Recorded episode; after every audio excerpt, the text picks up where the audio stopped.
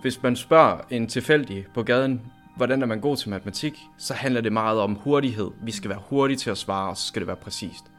Og, og det, det, det tror jeg simpelthen, det er... Det, for mange der, det, øh, der, det er også, øh, der er det også plantet sig i børn, at hvis jeg skal være god til matematik, så skal jeg også bare have svaret med det samme. Altså jo hurtigere, jo bedre. Og det tror jeg, vi skal passe lidt på med, at det ikke bliver sådan en konkurrence om, om, at, om at være hurtigst. Altså jeg har sådan en sætning, jeg starter med, hver gang jeg får et nyt matematikhold, og det er, at øh, hvis jeg har gennemgået noget, og I sidder og føler, at I er dumme, fordi I ikke forstår det, så er det ikke jer, der er dumme, så er det mig, der har forklaret det dårligt. Og så må jeg gøre mit arbejde bedre og gøre det om.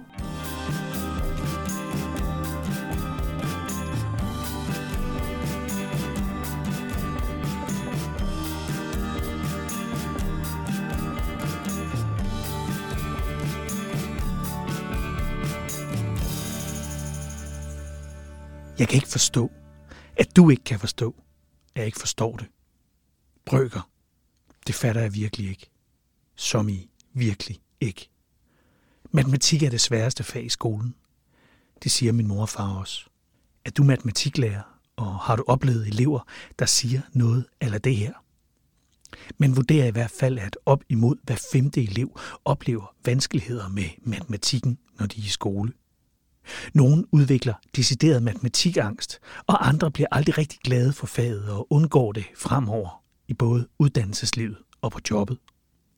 Og det er et stort problem, som vi hos Alenia meget gerne vil tale mere om og være med til at løse. For hvad kan man gøre for, at alle elever føler, at de er en succes i matematikken? Vi går blandt andet på jagt efter svarene på det store spørgsmål i en e-bog, som jeg fortæller dig mere om senere. Og i den her didakter, der giver vi ordet til to dedikerede matematiklærere, Tina Jørgensen og Nikolaj Havgård fra Kodin skole på Djursland. Vi hos Alenia ved godt, at der findes mange forskellige svar på, hvordan man bedst hjælper elever i matematikvanskeligheder. Og de svar, du får nu, de er altså fra to temmelig tilfældigt udvalgte lærere. Men de har det til fælles, at de har arbejdet sammen i et team på mellemtrinet, at de ikke har noget imod at tage sig ret god tid i undervisningen, og at de godt ved, at det ikke er let at knække koden til, hvordan man får eleverne ud af matematikvanskeligheder. Og så har de altså en masse gode råd, som de gerne vil dele med dig. Jeg hedder Andreas Munk Stavgård, og nu skal jeg nok tige stille og give ordet til Tina Jørgensen, og her Nikolaj Havgård, matematiklærer fra Kolin Skole. Det vigtigste, det er øh, for det første at forstå øh, elevernes, øh, kan man sige, udfordring og deres indstilling til det, de, øh, til, til det, der er svært. Fordi det er typisk, at dem, der er i vanskeligheder, de også synes, det er svært. Øh, øh, og det, og det, det smitter også tit af på den øh, opfattelse, de har af faget. Så hvis man skal kan man sige, arbejde med dem, så bliver man også nødt til at forstå, hvad er det for nogle ting, der, der gør, at det er svært. Hvad er det, der gør, at det kan være svært at komme i gang med en opgave, og er der nogle ting, som, som, de, har, altså, som de har behov for, for at kunne, kunne lykkes med nogle ting. Og så skal man prøve at skalere det en lille smule ned, og så anerkende dem for den arbejdsindsats, de ligger i faget. Fordi øh, hvis, vi, hvis vi for eksempel kun anerkender dem, der er gode, jamen så, så er det jo ligesom bestemt på forhånd, hvem det er, der, hvem det er, der klarer sig godt. Men hvis vi anerkender for eksempel efter deres øh, arbejdsindsats, jamen så, så har vi ligesom mulighed for at ramme alle elever. Og det, der i virkeligheden er vigtigt for mig, det er, at alle de gør deres bedste. Mere end hvem der lige er, er bedst. Altså jeg har sådan en sætning, jeg starter med, hver gang jeg får et nyt matematikhold, og det er, at øh, hvis jeg har gennemgået noget, og I sidder og føler, at I er dumme, fordi I ikke forstår det, så er det ikke jer, der er dumme, så er det mig, der har forklaret det dårligt. Og så må jeg gøre mit arbejde bedre og gøre det om. Og det har jeg faktisk hørt øh, rigtig mange forældre, og, øh, altså, hvor børnene er gået hjem sagt det til forældrene. Og det tror jeg har sænket deres skuldre og gjort, at de godt har tur at spørge om ting. Fordi Tina siger, at, øh, at øh, det er ikke mig, der er dum, men det er hende, der forklarede det dårligt. Og så gør jeg det om igen. Og det gør, at øh, eleverne de sænker skuldrene og godt tør at komme frem, og de tør godt at spørge om hjælp. Fordi det er jo det, vi også skal lære dem at gøre. At når noget det er svært, at så det er okay, men så må vi prøve at finde en anden vej ind til forståelsen af det her problem. Og man kan sige, det er jo ikke nyt, man taler om det her og sætter fokus på det, men faktum er jo bare stadigvæk, at der er elever, der har svært ved det. Hvorfor er det så svært at gøre det mindre svært for de her børn? Jeg tror, hvis jeg skal starte et helt andet sted, så tror jeg, jeg vil sige, at det er måske også den generelle opfattelse af matematik, der findes øh, ude i, i verdenen og sågar også i Danmark. Altså, hvis man spørger en tilfældig på gaden, hvordan er man god til matematik, så handler det meget om hurtighed. Vi skal være hurtige til at svare, og så skal det være præcist. Og, og det, det, det tror jeg simpelthen, det er... Det, for mange der, det, øh, der, det er også, øh, der er det også plantet sig i børn, at hvis jeg skal være god til matematik, så skal jeg også bare have svaret med det samme. Altså jo hurtigere, jo bedre. Og det tror jeg, vi skal passe lidt på med, at det ikke bliver sådan en konkurrence om, om, at, om at være hurtigst. Jeg har en bror, øh, som havde set en video på, på Facebook øh, om en fodboldspiller, som kunne regne usædvanligt hurtigt. Altså virkelig, virkelig hurtigt. Og han var sådan, hold da op, han er bare, han er bare god til matematik. Og jeg sådan, det er jeg ikke sikker på, at han nødvendigvis er. Han er god til hovedregning, men jeg er ikke sikker på, at han nødvendigvis er god til matematik. Og så snakkede jeg lidt med ham om det. Så, så, så det handler altså også lidt om den, øh, kan man sige, diskurs, som, som matematik er i generelt lige nu, at, at vi, vi forhåbentlig bevæger os lidt væk fra det her med, at det ikke handler om hastighed, og det ikke handler om altid at være den hurtigste på aftrækkeren. Fordi matematik, det kræver, at man bruger hovedet. Det kræver, at man kan illustrere nogle ting, og man kan vise nogle ting, og at man faktisk kan gå i dybden med det, og ikke bare øh, komme med det hurtige svar lige med det samme. Altså. Men hvordan understøtter man så børnene bedst i det, som Nikolaj taler om, nemlig det her med, at det ikke er en hurtighedskonkurrence? Hvad er det vigtigste, man kan gøre som lærer der? Jamen, vi, vi, Nikolaj og jeg, vi spørger faktisk meget, meget sjældent til facit. Så vi er meget interesserede i at få mange vinkler på, hvordan kan den her opgave løses. Og så skriver vi de forskellige måder at gøre ting på op på tavlen, sådan at de kan ses, at der er ikke kun én løsning tit på noget. Øhm, så det er at spørge ind til, hvordan tænkte du, hvordan gjorde du, i stedet for kun at være så facitorienteret. Men hvad kræver det her så i forhold til den måde, I organiserer jeres undervisning på? Altså, skal man også lave rammerne for undervisningen øh, anderledes end det, som er sådan normal undervisning, eller er det bare at sige, jamen, vi gør egentlig det, vi altid har gjort, vi gør det bare på en anden måde? Altså generelt kan man jo sige, at, at, at jeg tror, at vi, vi fleste af os har jo prøvet den der med, at vi, vi, vi stiller et spørgsmål ud, og så kommer der en mega hurtigt op med hånden, og man er bare sådan, yes, kom med svaret, og så, og så siger de det. Altså der tror jeg også, at man skal måske være mere åben for, at det er fint nok, at vi, vi tager lige en, øh, en tænker på, på det her spørgsmål, eller den her udfordring, eller hvad det nu gør. Øh, vi bruger lige øh, 30 øh, sekunder eller et minut. I har måske noget papir foran jer. Prøv at tegne, hvordan vil I komme frem til løsningen. Og så skal I ikke øh, tage hånden op, før der er gået det her de her 30 sekunder til et minut. For det kan også godt føles stressende, sådan, Nå, der er jo alligevel nogen, der har svaret, så, så behøver vi alligevel ikke svare på det, fordi når jo, drengen derovre har alligevel svaret. Så, så det handler også det her, altså det handler jo lige netop også om at rammesætte det, sådan så at alle har en mulighed for også at kunne, kunne være en del af det. Øhm, og jeg plejer også at sige til mine elever, jamen når I ikke er i mål med det, så er det også okay, men I har tænkt nogle ting, altså I, jo, I, jo, I har jo tænkt nogle ting, når jeg kan se det på papiret, så I er jo på vej hen til, til et svar, øh, altså til en løsning på, hvordan I gør det. Og så øh, også som Tina hun siger, altså det her med, at man, at man lytter til, hvordan hinanden gør det, fordi det lærer vi også rigtig meget af, at der er forskellige systemer, og pludselig så op der, oplever en elev, den der måde derovre til at gange på, det var bare mega genial.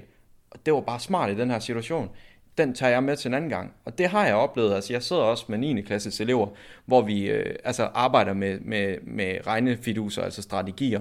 Altså selv gange, øh, og det gør vi på baggrund af, at, at, at gange øh, viser sig i, i afgangsprøver at være noget, som omkring en femtedel af alle elever i, øh, altså i 9. klasses afgangsprøver laver fejl i. Så, så, så vi, vi har jo nogle, nogle generelle udfordringer, og det er problemet med det, det kan man sige, det er sådan helt isoleret. Det er, det er, en, det er en enkelt fejl, men problemet er, at den kan også godt give rigtig mange følgefejl, altså for eksempel i, i arealer, eller øh, rumfang, eller hvad det nu kunne være, altså hvor man skal bruge gange. Så, så, så det handler altså også om at give, give plads til det, og give tid til det, og at vi alle sammen skal have en chance for at prøve øh, nogle ting. Så det der med at, at, øh, at bede elever om at, at, at løse det, og vi, der skal ikke være nogen hænder, for eksempel, før at der er gået et minut, eller hvor lang tid nu, nu man tænker, at det skal tage. Men er det ikke bare utrolig svært at få alle med, fordi det, I beskriver her, synes jeg på mange måder lyder utrolig svært, hvis vi har 27 børn siddende i et glaslokale. Jo, det er svært at få alle elever med, det er jeg helt enig med dig i. Øhm, noget af det, vi bruger meget, det er, at de har en læringsmarker og øh, dem har de typisk ved os en måned ad gangen, og så får man nye læringsmarkere. Så man kan få hjælp, man kan selvfølgelig også få hjælp ved læreren, men her der sidder de sammen om det. Og det er også en af de ting, der kan være lidt svært til at begynde med, når de ikke har været vant til det. De har bare troet, at matematik det er bare mig og min bog, og det gælder bare om at køre derud af, som Nikolaj beskrev før. Her, der handler det igen det her med, at, øh, at øh, hvordan kommer du frem til det? Det er det, der er interessant. Og det kan man hjælpe hinanden med, når man sidder og læringsmakker. Jeg vil heller ikke sige, det er jo ikke sådan, at vi bare når i mål med alle elever i alle timer. Der sidder som også elever ved os, som sidder og er frustreret og ikke kan. Og så kan man så bruge andre ting. Vi har for eksempel sådan en, nogle borer, vi kalder nogle bananborer, og der kan det så være, at vi vælger, at øh, der sidder en af lærerne op, hvor man så kan få endnu mere hjælp, hvis man for eksempel har brug for det. Og så oplever de tit, at de lykkes og bliver glade så, fordi, ah, nu forstod de det så. Men for så lige at summere op, hvis Nikolaj, du skal give et godt råd til en kollega på en anden skole, der sidder med en klasse, hvor vedkommende bare kan se, okay, jeg har altså de her elever, som, som bare ikke har mod på det, som, som er i vanskeligheder. Hvordan får man dem bedst med? Ja, et godt råd, det, det, er, jo, det er jo svært at sige et godt råd, men, men jeg tror, øh, vigtigst for mig omkring elever, der er i vanskeligheder, øh, det er, at de, de får en referenceramme, som de, øh, altså, som de kan forholde sig til. Øh, og det er jo, det starter jo typisk ved nogle konkrete materialer, men det er jo nogle ting, som kan understøtte den matematik, der egentlig ligger der. Men for mig der er det så, så vigtigt, fordi det er også lidt den oplevelse, jeg har af elever, der har vanskeligheder øh, med matematik, det er, at de, de kan simpelthen ikke se det i virkeligheden. Så, så de forstår ikke matematikken i virkeligheden. Og det, og det tror jeg, det er det, der er det absolut vigtigste, når man skal have dem med på banen, det er, at de lige pludselig får en forståelse af, af den virkelighed, som det jo egentlig er. Øhm, og et helt konkret eksempel kan man jo sige, øh, hvis, hvis du giver øh, to børn øh, et stykke lavkage øh, og, og, og beder dem om at dele det, så, så vil de jo ret hurtigt øh, tage kniven og så sige, hvor, hvor er vi sådan cirka lige på, og så vil de dele den midt over, ikke? Og det de jo i virkeligheden gør der, det er jo sådan set at tage en brøk og dele den i to. De ved det bare ikke. Så, så, så nogle gange, så kan det godt være en god idé sådan at, at prøve at, at få dem til at få forståelsen af det i, i virkeligheden. Øhm, det vil være mit klart bedste bud. Hvad siger du? Ja, jeg er meget enig i det, Nikolaj øh, siger. Jeg prøver virkelig også på at øh, gøre, lave en forståelsesramme, så de kan, det er nogle billeder, som de kan bruge, øh, tage ned fra deres hverdag, som gør det her forståeligt for dem. Så man ikke opererer op på det abstrakte niveau til at begynde med, øh, men at man får det ned på et niveau, hvor eleverne de kan forholde sig til det, øh, så det bliver ja, nemt for dem at få billeder på. Hvis vi skal tænke 10, 15, 20 år frem, hvad er så det vigtigste, hvis der skal komme flere børn ud af den danske grundskole og sige, hey, det fedeste fag, det var, det var sgu matematik? Jamen, altså først og fremmest, så tænker jeg, at det er vigtigt, at vi har nogle lærere, som, som brænder for, for deres fag. Det er meget svært at, at og kan man sige, som elev at se sig ind i noget, hvis ikke øh, læreren er der for, og, for dem og, og brænder for det. Det kan vi ikke tage ud af det. Men hvis vi ser sådan isoleret på undervisningen, jamen så, så, så, skal der altså, så skal der altså postes nogle penge i nogle ting, som, som gør tingene konkret for dem. Øh, vi har haft øh, forældre, som pludselig til skolehjemsamtaler har set øh, et sæt brøkbrikker, og som ikke inden det havde en øh, forståelse for brygger, og pludselig så, så forstod de, hvordan man forlængede brygger, og forstod, hvordan man øh, forkortede brygger, bare ved at kigge på dem og kunne se, at det giver sådan set rigtig god mening. Og jeg tror, det er, det er også den diskurs, som, som vi skal huske, at folkeskolen den bevæger sig hen imod, at, at, at matematik er ikke længere... Øh, kan man sige, algoritmebaseret, men det er forståelsesbaseret. Så vi skal arbejde med forståelsen frem for en eller anden algoritme, øh, som, som ja, den virker, hvis man kan huske, hvordan man bruger den. Øh, men, men man har ikke nødvendigvis en forståelse af, hvad det egentlig er, man sidder og laver. Så, så derfor så, så tænker jeg, at det er så vigtigt, at vi bevæger os derhen i den retning, hvor at det er selve forståelsen, vi, vi arbejder med, frem for algoritmen. For algoritmen, den kan eleverne komme til når de har forståelsen på plads. Tina, er det, er det den retning, vi, vi er på vej i, hvis jeg spørger dig? Ja, men, men helt klart. Altså, jeg har sidder lige med et helt klart eksempel fra min tredje klasse, hvor øh, vi er ved at lægge, øh, lære at lægge øh, tocifret tal sammen med tocifret tal. Og vi har arbejdet rigtig meget med regnestrategier. Og jeg har ikke en eneste gang vist dem den, som vi kalder den lodrette opstilling, hvor børn ellers lynhurtigt ville kunne lave mega mange plusstykker, hvis man lærer dem den. Men det bliver bare cifferregning. De forstår ikke, hvad det er, de egentlig gør. Så øh, her, når vi for eksempel har 17 plus 18, hvis vi bare tager et nemt stykke, så vil rigtig mange af mine elever sige, Nå, men så siger jeg først 10 plus 10, det giver 20.